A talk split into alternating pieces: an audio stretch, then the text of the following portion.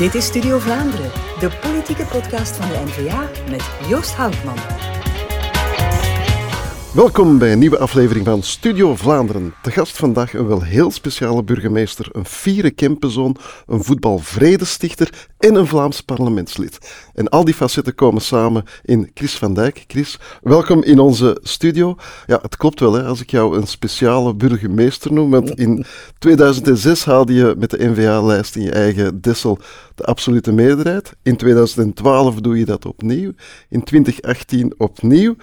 Ja, dat is een dijk van een prestatie. Wat is de, de gouden truc? Goh, de gouden truc, als ze mij dat vragen, in eerste instantie zou ik zeggen, blijf gewoon jezelf Mhm. en wees wie je bent en staat open voor alles wat gebeurt Mhm. in uw dorp, in uw gemeente of in uw stad. Ja, Dessel is, eh, is een dorp, een gemeente. Ja. En ik denk dat dat belangrijk is om authentiek te zijn en dat de mensen ook ervaren dat je samen met hen in die samenleving staat. Ja, in eh, 1989, ik moet eventjes spieken, ja, toen viel de muur, maar een ander historisch eh, evenement was ja, de, dat de jonge twintiger, Chris van Dijk, schepen werd voor de Volksunie. Ja, hoe, hoe was dat toen, zo als Goh. jonge snaak ineens schepen worden? Ja, eh, in die tijd moest je ook 21 zijn om mogen op te komen. Want eh, in 82 was ik 18 jaar. Ja. Maar toen mocht dat nog niet. Ja. Eh, maar van heel nabij die verkiezing wel bijgewoond. Eh, ik was actief bij de Volksunie Jongeren. En dan eh, in 88 had ik de tweede meeste stemmen op de toenmalige VU-lijst. Ja. Ik ben dan onmiddellijk schepen geworden. Dat was, ja, dat was voor mij wel een, ook een, een verrassing, maar ook een openbaring. In de zin van, ja, een- mijn hobby was nu eenmaal politiek. Dat was de Vlaamse beweging, dat was de toenmalige Volksuniejongeren. En eh, als je dan in eigen gemeente mee eh, beleid kunt voeren, dat is een mooie uitdaging natuurlijk. En eh, omdat je de link legt met de, met de muur, eh, dat was dat eerste jaar. Ik was ook schepen verantwoordelijk voor ontwikkelingssamenwerking. En ik weet nog, op het einde van dat jaar, acties die we ondernamen richting Roemenië, waar eh, de Ah, ja, Ceausescu-dictatuur omvergegooid werd, met de befaamde weeshuizen, waar kinderen in erbarmelijke Ja, ik omstandigheden... herinner mij die beelden Ja, nog. dat was verschrikkelijk. En eh, op die manier ook bij ons gemobiliseerd om hulpgoederen en dergelijke. Dus dat was zo een van mijn eerste politieke acties. Ja, en, ehm, maar je zat al in de Volksunie Jongeren. Mhm. Eh, kreeg je de politiek van thuis uit mee of was het een soort eh, rebellie? Dat je... Eh, Of de combinatie van twee. Buitenshuis was een rebellie. Ja. Maar nee, bij ons, de, mijn ouders waren heel politiek geëngageerd. Mm. Mijn vader was weliswaar zwaar gehandicapt, maar hij volgde alle debatten. Dat was toen nog maar ik vind dat als kind nog eh, geweldig. Nu, de zevende dag, dat is zo'n praatprogramma. Ieder krijgt zo een paar, een beetje tijd om wat quotes te maken. Maar destijds, dat was ieder zijn waarheid. Ik zie daar de Hugo Schilsen nog zitten, de Willy de Klerken, die met elkaar in debat gingen. En dat was een debat, een uur aan een stuk, op het scherp van de snee. En eh, mijn vader die daar een commentaar op gaf. Mijn moeder, die in, eh, moet ik even denken, in 70 in de gemeenteraad kwam. Ah ja. Heeft twee legislaturen in de gemeenteraad gezeten. En dan door de omstandigheden thuis moeten stoppen. Omdat mijn vader meer en meer hulpbehoevend werd. Maar dus ja, het was echt met de paplepel. Mijn zus was destijds ook actief eh, bij de Volksunie. Volksunie Jongeren. Die is dan verhuisd naar Laakdal.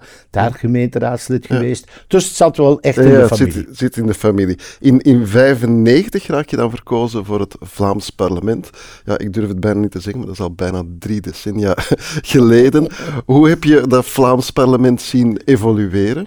Ha, ik heb dat wel degelijk zien evolueren. Want eh, de eerste legislatuur in het Vlaams parlement zat ik ook in de commissie onderwijs. En dat was nog met onderwijsminister Luc van den Bossen. Oh ja. Ik heb het geluk gehad trouwens om eh, Luc van den Bossen een paar maanden geleden nog eens te ontmoeten. En de manier waarop er toen in dat parlement omgegaan werd. Eigenlijk een hiërarchie tussen die minister Ja. die, en, en die parlementsleden. Eigenlijk ook niet helemaal goed, want een beetje minachting naar dat parlement.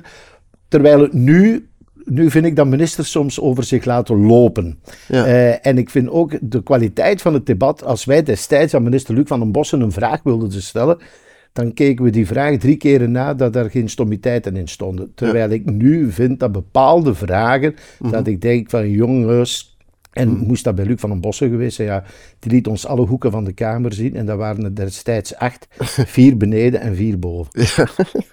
Eh, eh, in heel dat traject, als je zo kijkt van 1989 tot nu, hè, je sprak over de Volksunie Jongeren, de Volksunie, maar ja, dat is ook de NVA geworden. Jij was de eerste secretaris, denk ik, van die nieuwe partij. Had je dat ooit kunnen bevroeden dat we de leading party van, uh, van Vlaanderen gingen worden? Wel, voor eerst, uh, dat is uh, een heel raar verhaal voor mij geweest, want het moment dat binnen het partijbestuur van de Volksunie beslist werd hm. om de partij op te splitsen, dat was mijn eerste partijbestuur. Ja. En ik was daar zo, ja, ja, dat was zo van, van Dijk is hier en het is gedaan. maar ik was daar zo door verbouwereerd dat wij toen met een aantal mensen een poging ondernomen hebben om toch die groep bijeen te houden. De zogenaamde groep niet splitsen. Achteraf gezien heel naïef, maar bon. Ik denk wel dat we naar het hart van vele VU'ers spraken. Maar desalniettemin had ik me wel voorgenomen, indien de groep rond Geert, Vlaams Nationaal, het wint, dan ga ik daar sowieso naartoe, omdat dat meer toch in mijn optiek was en is wat eigenlijk de Volksunie hoorde te zijn. Dus dat was voor mij een uitgemaakte zaak. En dan kom je natuurlijk in, in die NVA, die eerste jaren heel moeilijk. En ik moet toch zo dikwijls terugdenken aan uh, een goede vriend van toen, Weile Chris van den Broeke uit Waregem, historicus. In een van zijn boeken schreef hij dat er in Vlaanderen ruimte was voor een Vlaams Nationale Democratische Partij die 30% van de stemmen haalde. Hmm. Ja, en wij zaten daar met ocharme 5%. in West-Vlaanderen en in andere provincies haalden we dat niet. En als ik Chris daarmee confronteerde, dan uh, zei hij dikwijls, ja, dat was mijn slechtste boek. Hmm. Maar ik moet zeggen dat ik uh, een klein decennium later zijn weduwe kon bellen, want Chris was ondertussen overleden, om te zeggen, Annie, ja. Chris had gelijk, we zitten aan de 30% Ja, en hoe merk je dat in, in, in je eigen Dessel? Zo, kan, je, kan je motiveren om, om, om, om nieuwe mensen aan te trekken? Ja, ja, ja, maar ik, ik, uh, ik vind dat er nog altijd een verschil is tussen die landelijke politiek en die mm gemeentepolitiek. Wij haalden landelijk in 2006, uh, we gingen amper boven de 5%. Ja, we wisten dat toen nog niet, want we zaten in kartel met CD&V, de Vlaamse verkiezing van 2004. Maar je voelde wel dat daar een dynamiek in zat. En in Dessel haalde ik 51%. Ja. Zijn dat allemaal Vlaamse nationalisten? Nee, maar ze stonden wel open voor onze lokale boodschap. Dus lokale politiek moet je, moet je en toch zeker des te kleiner de gemeente, des te korter ook de, de link tussen die kandidaat en, en die burger. Dat is de ons kent ons. En dan word je op een andere manier afgewogen dan, uh, dan mm. wanneer dat uh, in een stad of een, een grotere gemeente is, waar toch de, de nationale naamsbekendheid, denk ik, iets belangrijker is. Ja. ja, 2024 moet jou niet vertellen, dat wordt een, een, een belangrijk verkiezingsjaar. Jij bent uh, ondertussen gepokt en gemazeld in verkiezingen. Kijk je daar naar uit of zeg je van... Uh, dat wordt uh, toch een zware dobber. Ja, het, leukste jaar hm. is dat niet, hè? laat ons eerlijk zijn. Maar langs de andere kant is het een noodzakelijk jaar. En uh, ik denk niet alleen voor de NVA, ik denk voor heel Vlaanderen. Hm. als ik ook naar peilingen kijk, dan maak ik mij zorgen, niet zozeer, of ook wat de grootte van de NVA is, maar wel wat de resultanten van bepaalde uitslagen hm. kunnen zijn ik heb er een hemelse schrik voor dat Vivaldi 2 kan verder gezet worden. Of dat er een Vivaldi 2 kan komen. Ik denk dat dat nefast is voor onze samenleving, mhm. voor onze welvaart en ons welzijn. En dat is de reden waarom ik mij opnieuw zal opladen om er weer keihard voor te gaan. Eerst in mei en juni voor die uh, Vlaamse, federale en Europese verkiezingen. Ja, en dan in oktober die lokale. Maar ik denk voor volgend jaar dat het voorjaar het belangrijkste is voor de kwaliteit van onze samenleving in Vlaanderen. Om die uh, ja, om die een toekomst te, te, geven. Ja, als we nu eventjes terug uh, gaan naar, naar Dessel. Hè. Als ik aan Dessel denk, dan denk ik aan voetbal.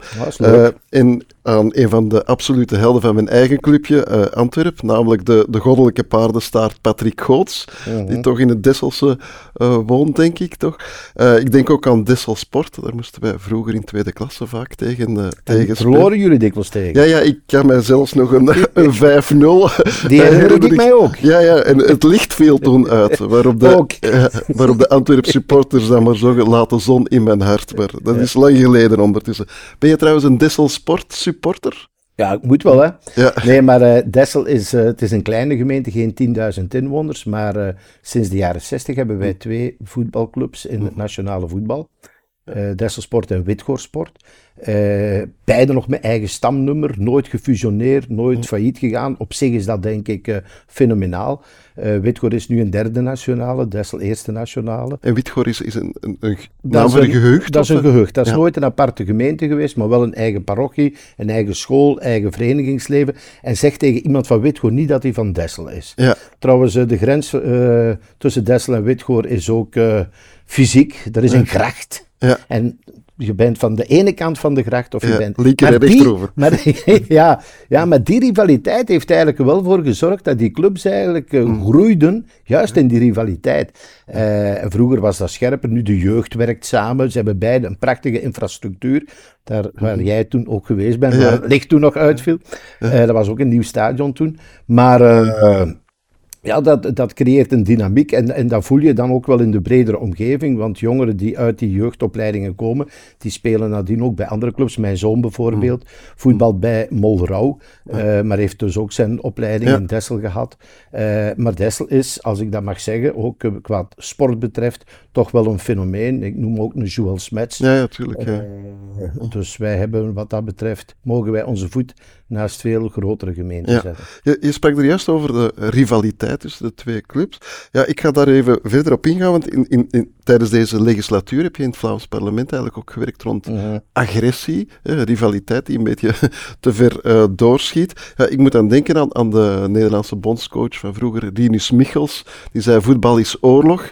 Ja, die bedoelde dat metaforisch, maar sommigen nemen dat toch iets te letterlijk, denk ik.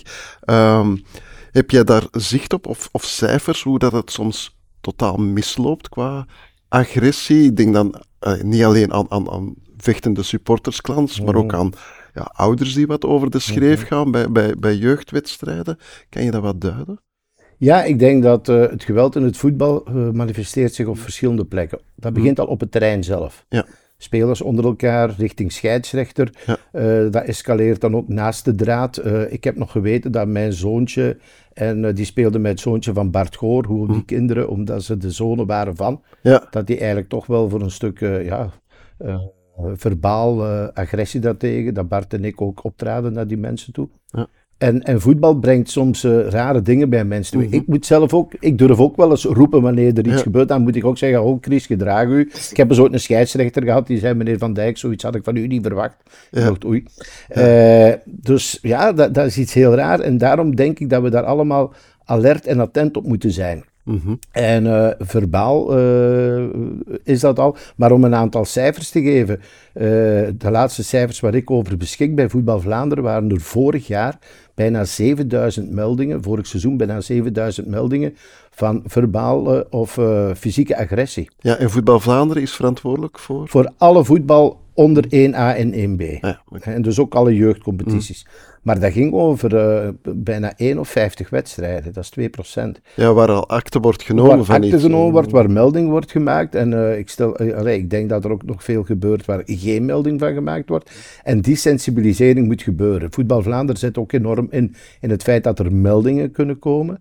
Ja. Uh, dus ik denk dat dat belangrijk is. Maar wanneer je dan gaat naar, naar het echte, pure fysieke geweld. Ja, we zien het uh, wekelijks ja op, op tv, hè, eh, hoe mensen uh, met bivakmuts in dat voetbalstadion, met, met vuurwerk en dergelijke, ja, dat hoort zo niet. En daarvan vind ik dat daar veel kordater en veel strenger zou moeten optreden. eigenlijk, eigenlijk zou je met je kinderen vlot naar een stadion moeten kunnen gaan en moet je, ik ben een Club Brugge supporter, hè, los van, van deze sport. Okay, maar ik zou, ik, zou naast, ik zou naast een Antwerp supporter naar de voetbal moeten kunnen kijken. Ja, tuurlijk, ja.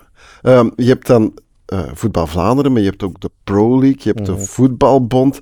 Uh, ja, dat zijn allemaal. En je hebt dan ook nog veel kleinere bonden. Ja, doen die genoeg? Of heb je de indruk van, ja, het is een beetje lipservice dat ze uh, bewijzen? Ik ga niet zeggen dat ze, dat ze het helemaal negeren, ga ik niet zeggen. Uh, maar ik denk dat het doortastender zou kunnen zijn, beter op elkaar afgestemd, ook het sanctioneren.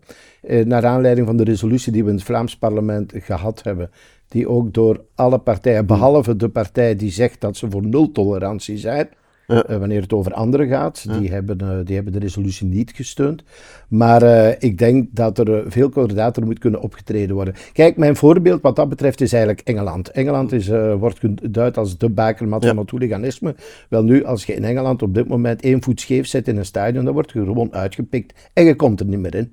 Uh, daar gaat men heel ver. Zelfs uh, spreekkoren die wat beledigend zijn, uh, gewijst bij wijze van spreken dat een tegenstander.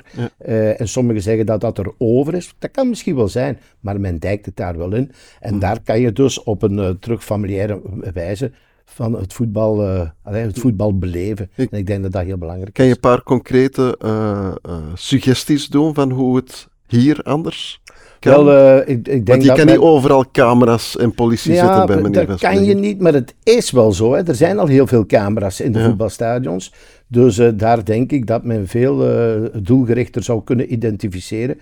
En op de daders ofwel eruit pikken, ofwel nadien -hmm. toch wel aanspreken. Aanspreken, daarmee bedoel ik aanpakken. Hè. Ja. En, en sanctioneren. Dus ik denk dat dat strikter kan.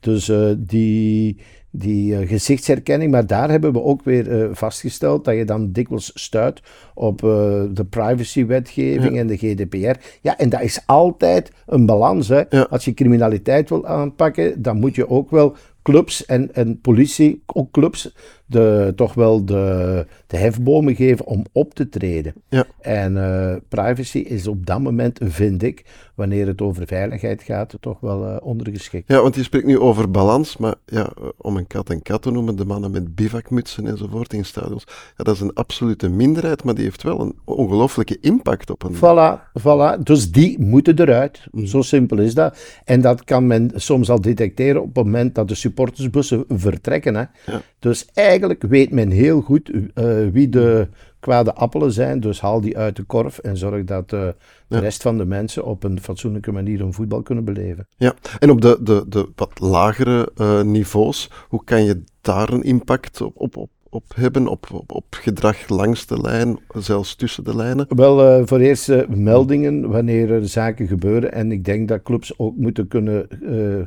personen, maar ook clubs moeten kunnen gesanctioneerd worden.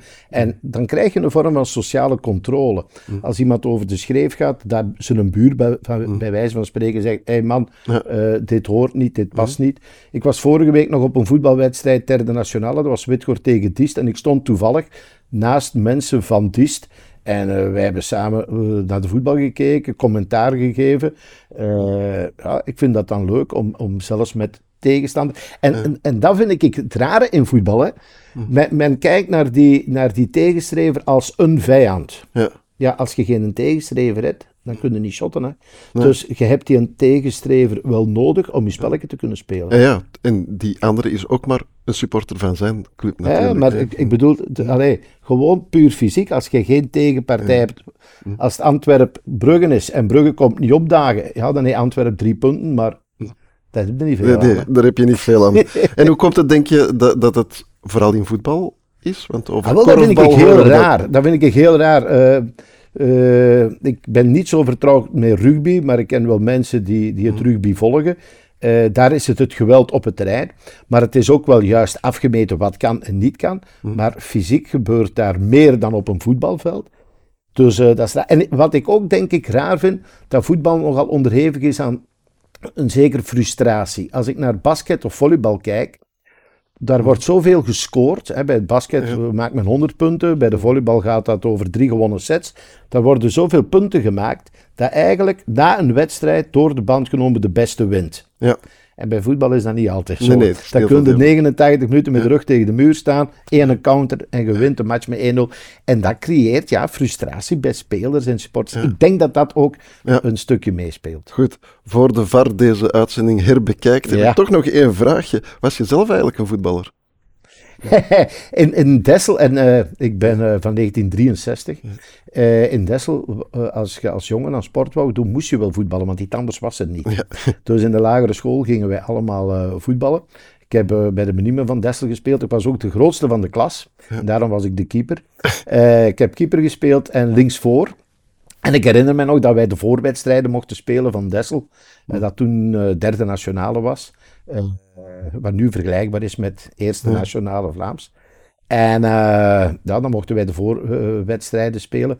En een klein geheimpje, wij waren met zoveel dat wij, het, was, het waren er die de eerste helft mochten spelen en de tweede helft. Ik koos altijd voor de tweede helft. Waarom? Dan was er al meer publiek op de tribunes. Altijd al een publiekspeler geweest. Ja. Dat is dus dan een publiekspeler. Ja. Nee, maar uh, nadien zijn er in Dessel heel veel sporten gekomen, zijn sporthallen gekomen. Maar toen was koning voetbal, dat was het enige. En als Dessel tegen Witgor speelde, en er woonden 7000 mensen in Dessel, wel, er stonden er 7000 langs de draad. Dus die beleving was veel meer eigenlijk dan vroeger. Vroeger meer dan nu. Ja, oké. Eh, hartelijk dank voor je inzichten, niet alleen in uh, het voetbal, maar ook in Dessel, in de, de mooie carrière van Volksunie-jongeren naar NVA. Ik dank jou, Chris van Dijk, en ik dank ook u, beste kijker en luisteraar. Op naar een volgende Studio Vlaanderen.